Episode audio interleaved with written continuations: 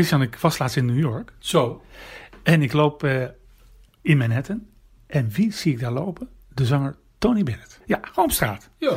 Dus ik, eh, ik loop op hem af. En ik zeg, ja, ik durf het haast niet te vragen, maar bent u Tony Bennett? Weet je wat hij zei?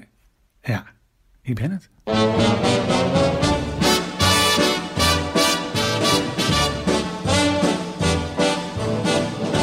I know I'd go from rags to riches if you would only say you care. And though my pocket may Luisteraars, welkom bij weer een nieuwe aflevering van de Trouwpodcast De Roomsloper. Ik ben Stijn Vens. En ik ben Christian van der Heijden. Ja, Stijn, heb jij al gehoord van het wonder? Het wonder van wat? Een wonder dat zou zijn geschied op voorspraak van de beroemde televisiebisschop Fulton John Sheen. Ja, die, daar heb ik van gehoord. En maar wat was het ook weer? Op 5 juli heeft Paus Franciscus een wonder op voorspraak van bisschop Sheen erkend. En dat is al ja, bijna uh, negen jaar geleden dat dat zou zijn gebeurd. Wat is het geval? Er was een, een jongetje. Ja, die was uh, stillborn, zoals de Engelsen zeggen. En de Amerikanen. Ergens in Illinois. En dat ging over een, uh, een, een, baby, de zoon van Bonnie en Travis Engstrom. En dat waren grote vereerders, vurige vereerders van aartsbisschop Sheen. Het kindje werd geboren en heeft 61 minuten lang geen uh, hartkloppingen gehad. Geen, geen hartslag bedoel je? Geen hartslag. Ja. 61 minuten lang. Maar dan ben je dood. Dan ben je dood. Nou, de dokters die wilden dus ook al de papieren gaan invullen, hè, want het kind is uh, overleden. Die ouders die hadden inmiddels al de voorspraak gevraagd van uh, Archbishop Sheen. En wat denk je? Ik neem aan dat het kind... It's alive! ja, dus... Nou, blij toe. Het, het kind uh, be, begon te leven. Ja, volgens een interview met de ouders maakt het kind het erg goed... En hij houdt van, uh, van, uh, van fietsen. Ja, en van kipnuggets. Van kipnuggets en van Star Wars. Maar kan dat, is Star Wars, hè, die hele, de hele filmcyclus, is dat te verenigen met uh, het Roomsgeloof? Jazeker. Dan, jij kent toch wel uh, onze bekende oh, ja. mediapriester Roderick von Heugen. Ja, die raakt helemaal in extase. Ik zou bijna zeggen in een religieuze extase. Als er weer een trailer is van een nieuwe Star Wars film. Ja, zeker. Ja. Niks van. Terug, Terug naar, naar Fulton Sheen. Uh, ja, wie was deze man?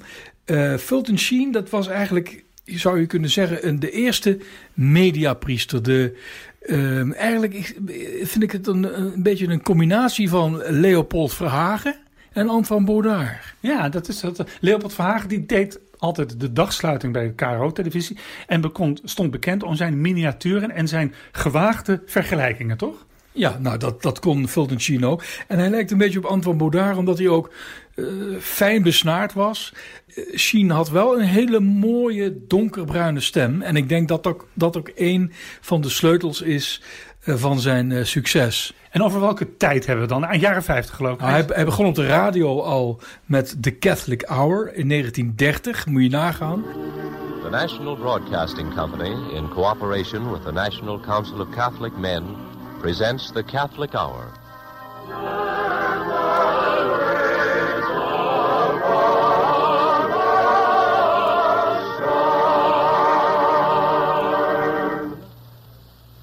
We are happy to bring back to the Catholic Hour audience today the Right Reverend Monsignor Fulton J. Sheen of the Catholic University of America, who inaugurates a series of 17 addresses on the crisis in Christendom. His first talk is entitled War and Revolution. I present Monsignor Sheen. Friends, I wonder if you feel that it is getting a bit monotonous to start every new year with my series. There are some who believe that anyone who is full of life hates monotony. I trust that you do not share this view. Is it not rather true that anyone who is full of life enjoys repetition and finds a romance in it? A child is full of life. You put a child on your knee and bounce him up and down until your legs ache. And the child will say, Do it again. Ja, uh, deze Fulton John Sheen, die eigenlijk Peter John Sheen heette. Waarom heette die Fulton met zijn voornaam? Dat was eigenlijk de achternaam van de familie van zijn moeder. Daar groeide hij bij op en hij werd dus ook altijd aangesproken met: Hey Fulton. Hij is geboren in El Paso, niet in Texas, maar in de staat Illinois op 8 mei 1895. Hele slimme jongen. Als boerenzoon is hij, uh, ja, kon hij heel goed leren. En uiteindelijk heeft hij zijn, aan zijn ouders de wens eh, kenbaar gemaakt om priester te worden. Toen is hij naar Minnesota gegaan. Op het beroemde seminarie van St. Paul heeft hij daar zijn, uh, zijn, zijn priesteropleiding gevolgd. Hij mocht doorstuderen en hij ging naar de Catholic University of America in Washington, D.C., waar hij trouwens zijn hele leven lang aan verbonden zou blijven. En hij ging naar Leuven. Ja, dus daar ging je ook uh, zijn, zijn een, doctoraat in de filosofie halen. Zijn, zijn uh, proefschrift, zijn dissertatie, ging over het godsbeeld van, ja, van atheïsten. Helemaal volgens de toen heel populaire filosofie van Thomas van Aquino. Daar heeft hij ook een prijs voor gekregen. Voor de prijs voor de beste uh, filosofische publicatie, de Cardinal Mercier prijs. Daarna is hij nog in Engeland geweest en nou, uiteindelijk ging hij terug naar zijn bisdom. Uh, want de bisschop van uh, Peoria, dat is eigenlijk zijn thuisdiocese, Peoria in Illinois, die haalde hem naar, uh, naar zijn thuisbisdom toe en maakte hem pastoor van een hele, ja, een hele gewone parochie. Toen werd hij gewone pastoor. Toen dacht hij, ja, einde oefeningen met mijn academische carrière. Maar uh, hij werd uiteindelijk toch weer teruggeplaatst naar de Catholic University uh, van America in Washington. En toen vroeg Fulton aan de bisschop: Ja, maar waarom had je me daar niet meteen naartoe gestuurd? En toen zei die bisschop: I was afraid you might become proud. I wanted to find out if you were obedient and would do what you were told. He, dus even een testje gehoorzaamheid. Deze man die zou een glansrijke carrière gaan maken. Vooral in de media. Ja, in de televisie dus. De televisie. En de televisie. En dan hebben we het dus over Life is Worth Living. Ja, het begon in de begin jaren 50. Eerst bij ABC, dus het netwerk ABC. Later een, een andere netwerk. En dat werd in heel Amerika uh, uitgezonden door verschillende stations. Uh, regionale stations. En op het hoogtepunt van zijn populariteit keken er wel 30 miljoen Amerikanen. Hè, die zaten allemaal aan de buis gekluisterd om te horen wat Bishop Sheen had te zeggen over het katholieke geloof. Ja, laten we even naar hem luisteren. Uh, dit komt uit een televisieshow en die gaat over de 40 dagen tijd. En over uh, het brengen van vaste offertjes. En hij begint met het voorlezen van brieven van kinderen. Wat zij verstaan onder het brengen van een offer in de vastentijd. Friends, some of our weekly correspondence. This comes from Wilmington, Delaware. It seems that A Father Henry Miller there on Sunday morning was instructing a group of school children on sacrifice. He talked for about half an hour, and then he said, What is a sacrifice? And one boy answered, A sacrifice is when my mother makes me watch Bishop Sheen and I want to watch the Lone Ranger.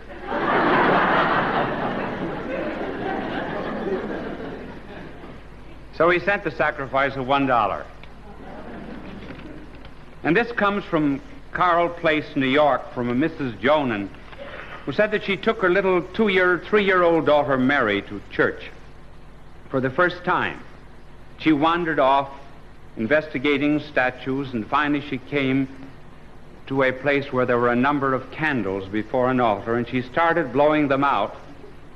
And then she started to sing, Happy Birthday to you.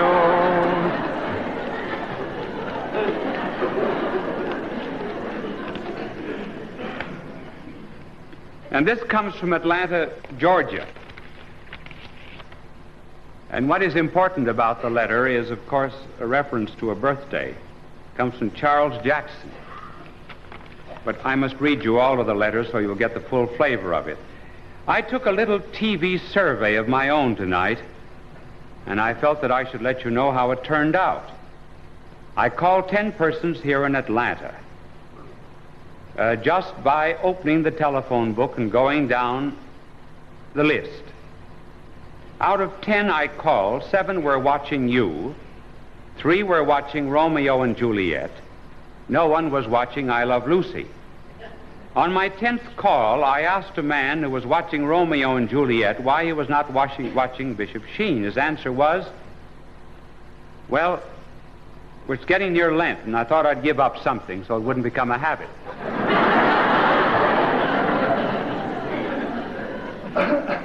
and Charles then says you were very popular down here in the deep south. Well, now I better go. Homework calling. And as you say, God love you. Charles, postscript. Here is 25 cents for the poor you ate in Africa and Asia. I was going to buy a birthday card for my girlfriend. I hope you understand that this may be the ruination of my romance.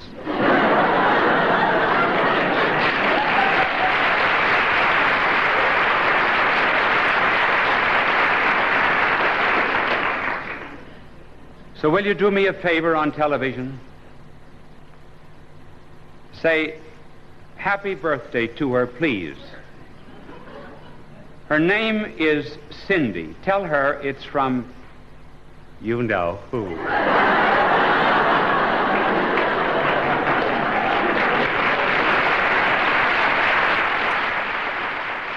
Ja, nou ja, ik, ik, ik heb ook wat gekeken. Het staat allemaal op, uh, op YouTube. Het is uh, veel, veel brieven van kinderen. Hè? En daar heeft hij ook de lachers mee op de hand. Het is uh, dicht bij de mens, zal maar zeggen.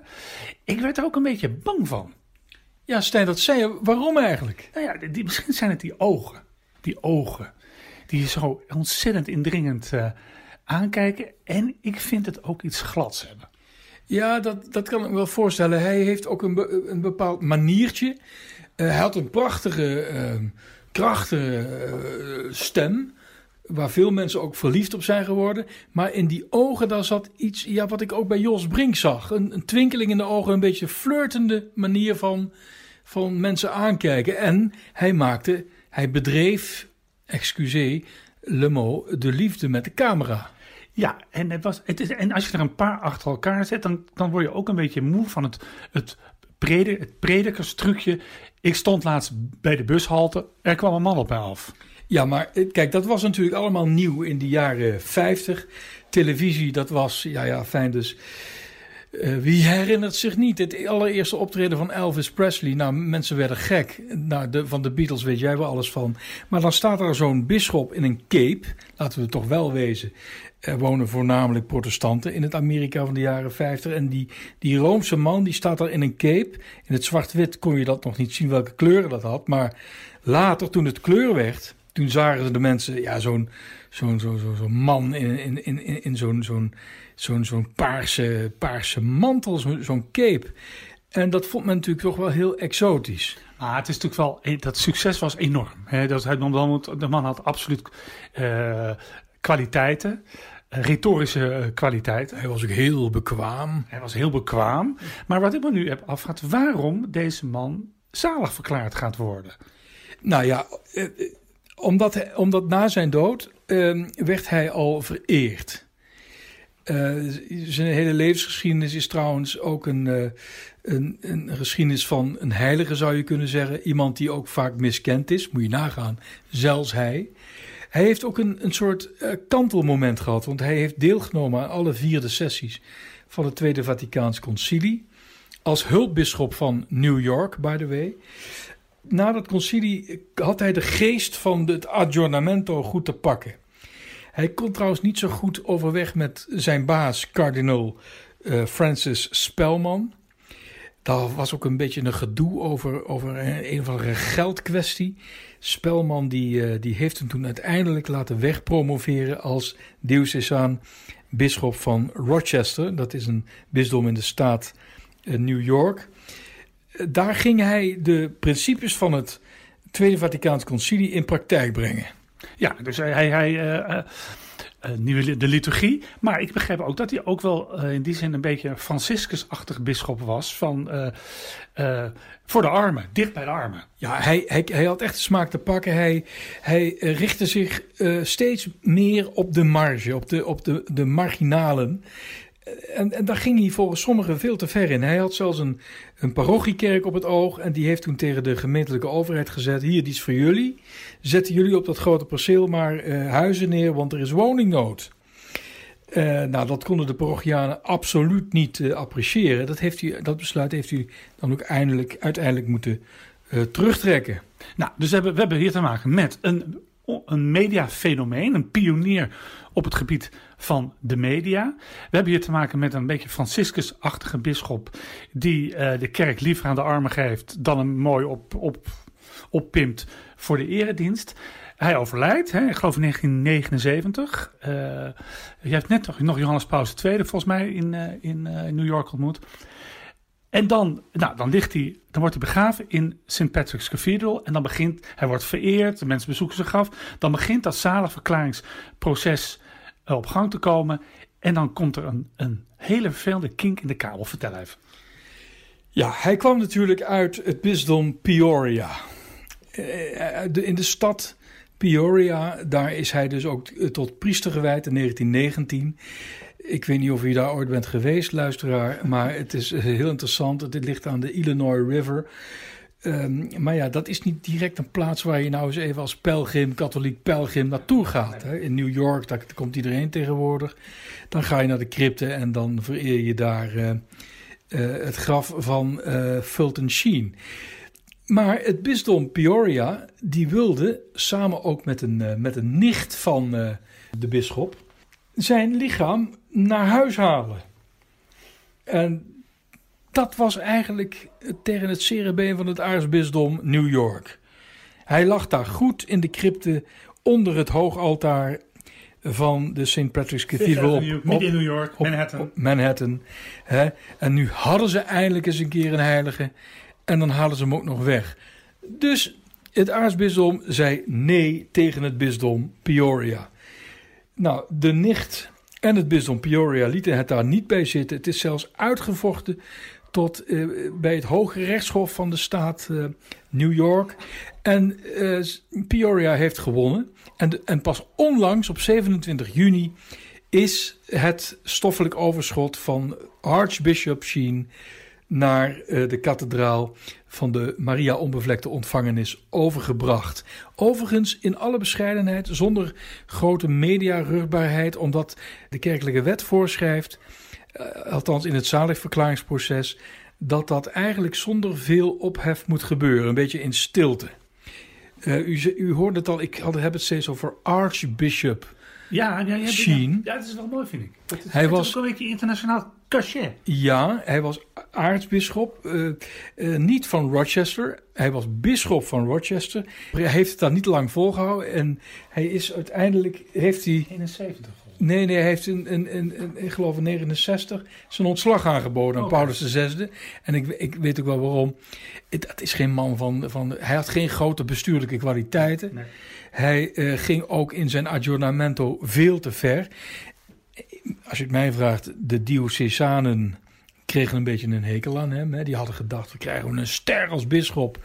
Maar ja, zet die man eh, aan de bestuurstafel en hij gaat toch hele andere dingen doen. Het heeft hij zijn ontslag aangeboden en de heeft de paus dat ontslag aanvaard en heeft hem tot titulair aartsbisschop van Newport in Wales benoemd. Ja, dat is zo'n antiek opgeheven bisdom. Eh, Neo, eh, Novo Portus heet het geloof ik. En eh, Newport. En toen kreeg hij dus de, de titel van aartsbisschop. Aartsbishop Sheen. En ja. Ja, maar goed, dus dat, dat lichaam is nu in Peoria. Ja. En, eh, en het, is, het zal niet voor niets geweest zijn dat juist dan pas het eh, Vaticaan bekend maakt dat het wonder is erkend. Ja, want het, was, het zaligverklaringsproces was vanwege dat gedoe, eh, dat geschil tussen Peoria en New York eh, voor onbepaalde tijd stilgelegd.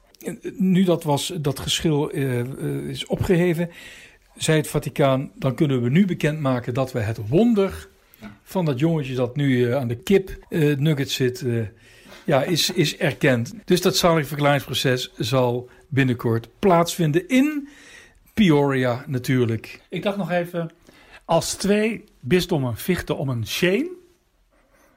Dat is een grap. Nou, over grappen gesproken. Hij maakte de ene na de andere grap. Laten we even eh, luisteren naar eh, zijn intro van een televisieaflevering. En die gaat over psychoanalyse. Anybody who goes to a psychoanalyst ought to have his head examined.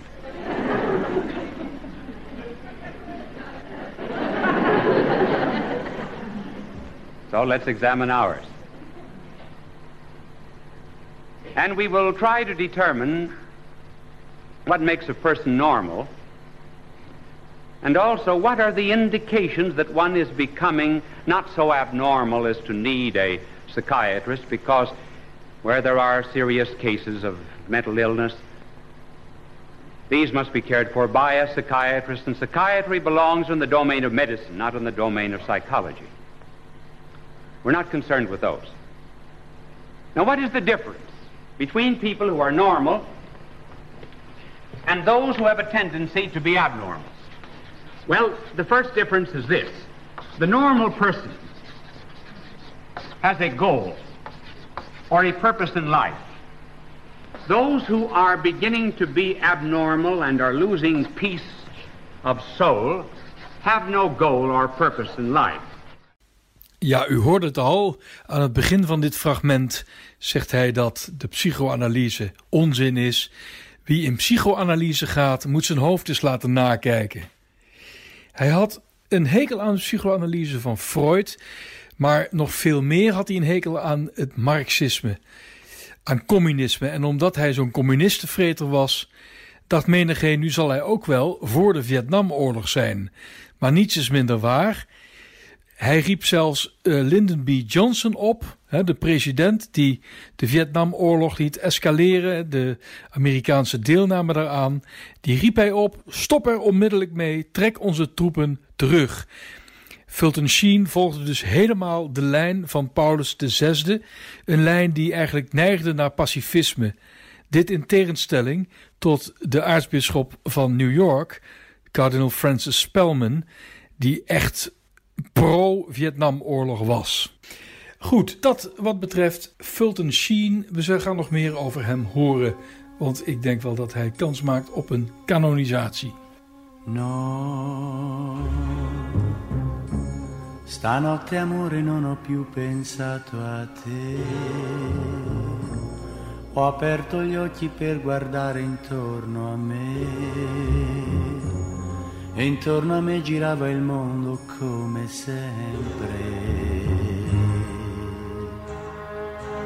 Gira il mondo, gira nello spazio senza fine, con gli amori appena nati, con gli amori già finiti, con la gioia e col dolore della gente come me.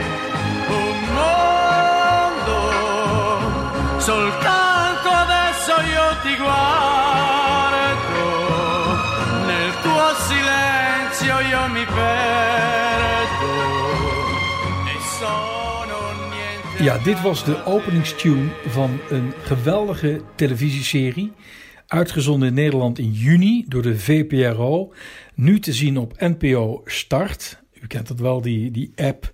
eh, Een soort Netflix van onze eigen publieke omroep. En ook uit op DVD. Jij hebt de, de DVD, toch, eh, Stijn? Ja, die heb ik, maar ik heb geen DVD-speler. Maar eh, ik heb hem wel. Ja, heel veel mensen hebben geen DVD-speler meer. Dat komt door al die streamingdiensten. En vroeger was alles beter. Il Miracolo. Heb jij hem al gezien? Nou, ik heb deel 1 gezien. Maar jij belde mij gisteren, toen we dit gingen voorbereiden, dat je het bijna af had. Je hebt hem helemaal gezien. Ik heb alleen de eerste aflevering gezien. En die vond ik wel heel erg goed. Dus ik, eigenlijk wil ik liever naar, die, naar Il Miracolo kijken dan deze podcast. Ja, hij is gemaakt door de bekende schrijver Niccolo Amaniti. En die, eh, ja, dat is een schrijver die ook eh, veelvuldig in het Nederlands is vertaald. Heel goed verkocht, hè? Want het wordt heel goed verkocht. Wordt heel goed verkocht. Ja. Hij ligt ook in de menig boekhandel op, eh, op een, eh, treinstation. Dus dat zegt wel wat. Maar ik wist ook niet dat hij, eh, ja, dat hij regisseur is. Wist ik ook niet. Dus ik, eh, ik, eh, maar dat heb je helemaal al verteld. Nou, en hij heeft dus eh, iets gemaakt, ja, wat, waar, ja, het is puur genieten. Dat is een televisieserie die maar bestaat uit acht episodes. En die heet Il Miracolo. Oftewel het wonder, het mirakel. Ja, ik zit eigenlijk te twijfelen, Stijn, moeten we nu vertellen wat dat wonder is? Ik vind het wel. Ja, maar dat, gaat er dan niet een, een, een deel van het plezier van dit... Ja, Nou ja, een spoiler alert. Even, jongens, even mensen, spoiler alert. Nou ja, het, het wonder is een huilend Mariabeeld. Ja, dan heb je nou toch verteld. En niet Een zomaar. En het, het, het, kon- het lijkt wel een tsunami. Ja, het is ongelooflijk.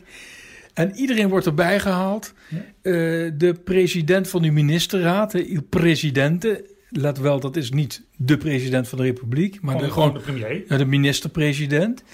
En die wordt erbij gehaald. De generaal van de Carabinieri. Iedereen wordt erbij gehaald. Zelfs een, ja, nogal een vreemdsoortig priester. Bijzonder interessant.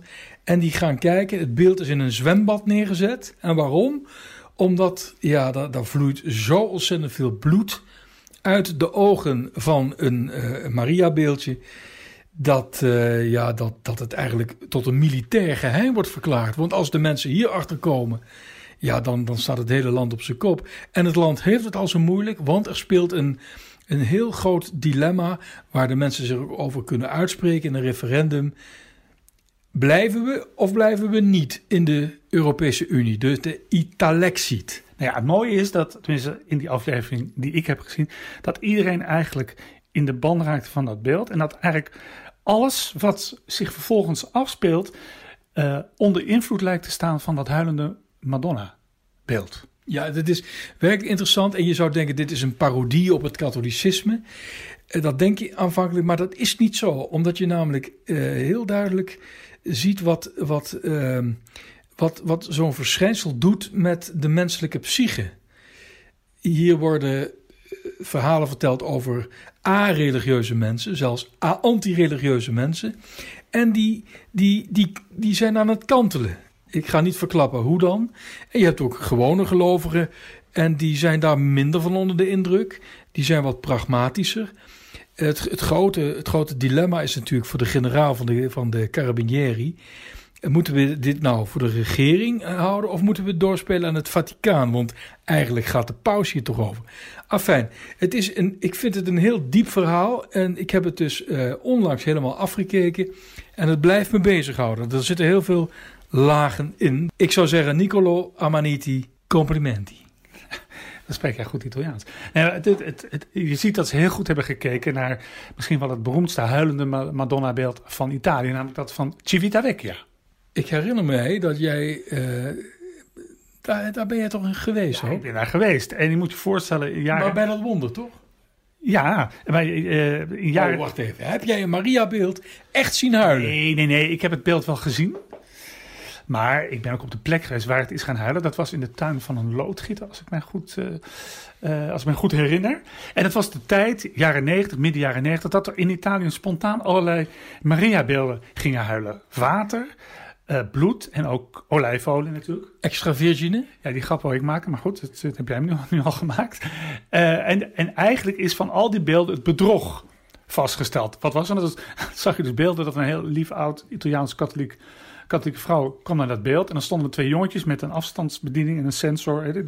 En dan ging een sensor en dan ging dat beeld eh, huilen. Alleen dat beeld van Civitavecchia is eigenlijk nooit ontmaskerd. Ook omdat er iets heel opmerkelijks gebeurde. De plaatselijke bisschop van Civitavecchia, die vertrouwde het allemaal niet. Dus die heeft het beeld in beslag genomen. Nou, en hij nam het in zijn armen, ging naar, eh, in, eh, in zijn eigen huis. En toen begon het beeld ook bij hem spontaan bloed huilen. Tussen was de bisschop ook bekeerd. Nou, eh, dat die tuin van die... ehm, van die, eh, van die, eh, van die loodgieter waar, waar dat beeld was gaan huilen. Dat werd een soort beeldvaartsoord, heb ik ook gefilmd. En Civitavecchia zag een prachtige toekomst voor zich. Het Loer, het nieuwe Lourdes. Ik heb gesproken met de pastoor. Die was van Spaanse kom af. Ik stelde één kritische vraag. Toen werd ik bijna naar de hel door hem verbannen. Maar het mooie was, de, de, de burgemeester, de linkse burgemeester van Civita- Civitavecchia, wilde er eigenlijk niet zoveel van hebben. Maar enigszins, eh, eh, toen er enigszins daarop aandrong, wilde hij de rekensom wel maken. Hè, we zaten vlak voor het heilig jaar. Dus zei nou ja, ik ga zorgen dat die kerk mooi wordt opgeknapt. Als nou in het heilige jaar elke dag 10.000 pelgrims naar Civitavecchia komen, die geven 10.000 lira uit. En toen zei hij, moet ik even een rekensommetje maken. Nou ja, hij zag busladingen vol bedevaartgangers komen. En het is natuurlijk helaas niet van gekomen. Het, eh, maar het beeld is altijd toch een mysterie gebleken. En vergeet ook niet, Christian, wij in Nederland hebben ook een heilig Madonna-beeld gehad. In, in, in Brunsum, toch? Ja, maar dat had te lang in de zon gestaan. Overigens, ehm, in de serie eh, speelt biologie een grote rol. Dat is ook niet zo gek, want eh, Amaniti heeft ooit biologie gestudeerd. Ehm, waarom heb ik het hierover? Eh, is dat bloed van Civita Vecchia ook onderzocht? Ja, en het was eh, bloed van een man. En dan denk je, hé, hey, Maria uh, huilt bloed van een man. Maar dat was volkomen logisch, want dat is natuurlijk het bloed van Jezus. hoezo is dat logisch? Nou ja, kijk, haar zoon die gestorven is aan het kruis. Ja, we hebben het over, Christian, we betreden nu een gebied waar niets logisch is. En dat vind ik eigenlijk ook wel het mooie eraan. En dat is ook het prachtige van die serie. Is dat eigenlijk, je kunt er, je kunt er geen grip op krijgen. En is het niet zo dat alles wat wij, wij zitten hier nu in een, in een soort studio. Buiten regent het, maar hier omheen speelt zich van alles af waar we, niet, waar we er geen vinger achter kunnen krijgen. En het mooie is dat uh, in, die, in, dat, in, die, in die serie in Miracolo lijkt wel alles wat er in de buitenwereld uh, uh, gebeurt redelijk loos. Maar juist omdat dat Mariabeeld er aangekoppeld is, gaat alles schuiven. Dat vind ik het mooie Ja, en je wilt ook in dit bovennatuurlijke verschijnsel een logica toebrengen. En, en, net als je denkt van, ah, dat, dan is dit de betekenis, gaat het weer een hele andere kant uit. Met andere woorden, deze serie speelt met je gevoel voor uh, zin. Nou, dat uh, wat betreft deze serie, we noemen de naam nog een keer Il Miracolo van Niccolo Amaniti. Ik zou zeggen, blijft aan uw toestel.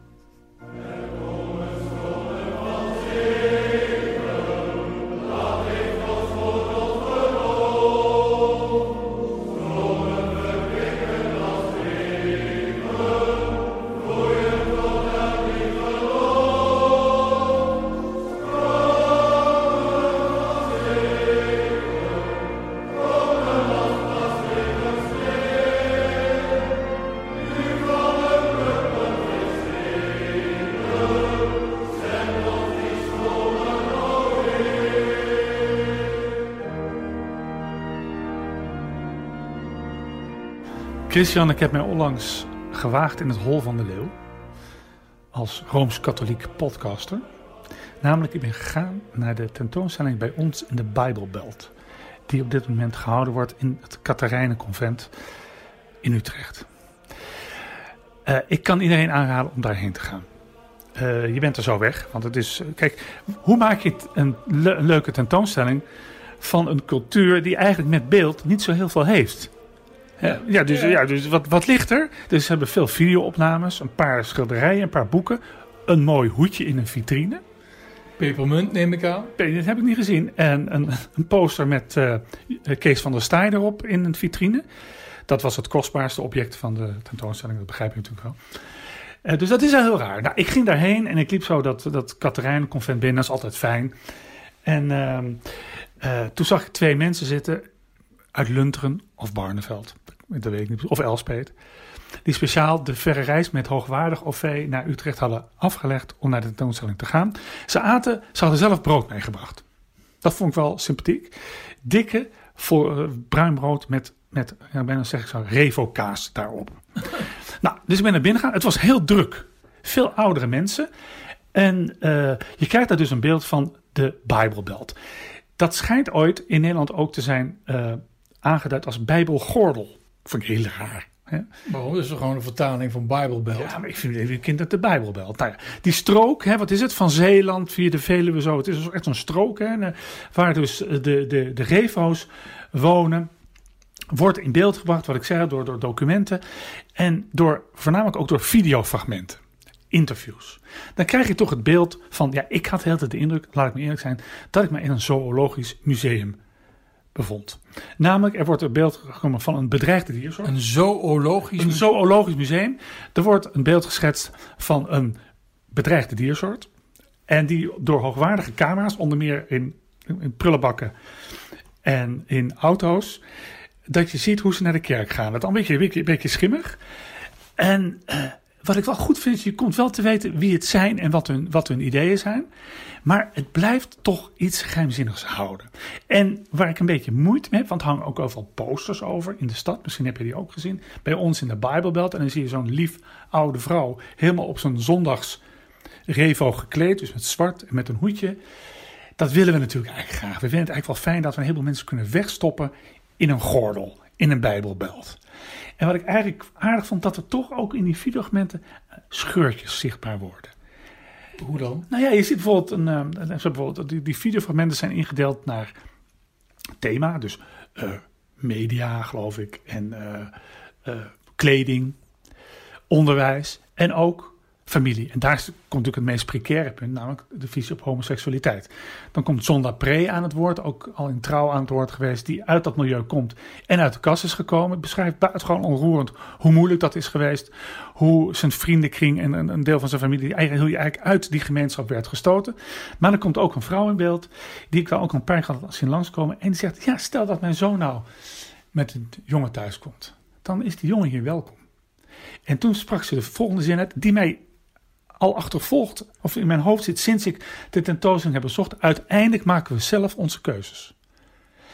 En dat, deed... dat zegt een protestant. Ja, nou dat, zegt dus... dat is natuurlijk heel onprotestant om dat te zeggen. Ja, maar dus ik dacht, nadat ik al die videofragmenten tot me had genomen, misschien zit er in dat beeld, hè, in, in, in, in, die, in die gemeenschap waar wij die mensen, maar ik wel makkelijk om mensen weg te stoppen. Oh, die zijn van de Bijbelbelt. Misschien zit er toch meer ruimte in dan, uh, dan, wij, dan wij denken. Uh, en tegelijkertijd, wat het ook goed laat zien, hoe fijn het is om ergens bij te horen.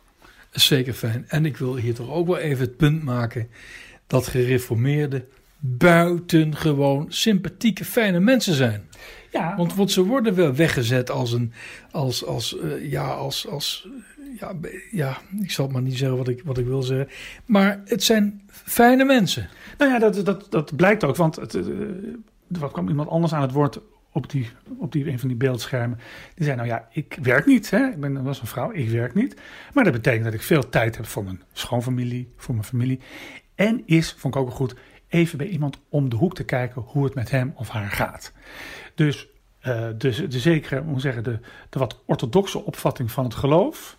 Hè, dit, het, vasthouden aan het Gods woord, bijna vastklampen aan, gaat ook wel gepaard en dient ook gepaard te gaan met de caritas, de naaste liefde voor, uh, voor je medemens. Maar ja, wat gebeurt er dan als iemand uh, homoseksueel is? Dan wordt zo'n gemeenschap, dat las ik ook ergens, ook wel op de, op de proef gesteld. Maar dus uiteindelijk krijg je op die, op die tentoonstelling toch een wat gevarieerde beeld van de refo's uit de Bijbelbelt. En toen ik er wegliep, dacht ik, ja, wil ik nou eigenlijk ergens bij horen? Het is ook wel makkelijk om ergens bij te horen, ook wel fijn. Dus ik stond even stil bij een Petrusbeeld. Ja, dus ik ging toch, toch even nog iets katholieks doen, hè, want je wordt ook... Waar? Nou ja, in het, in het Katerijnenconvent. Dus. Ja. Maar um, ik ben er niet te lang bij uh, stil blijven staan. Waarom niet? Straks eens dat ik ergens bij hoor.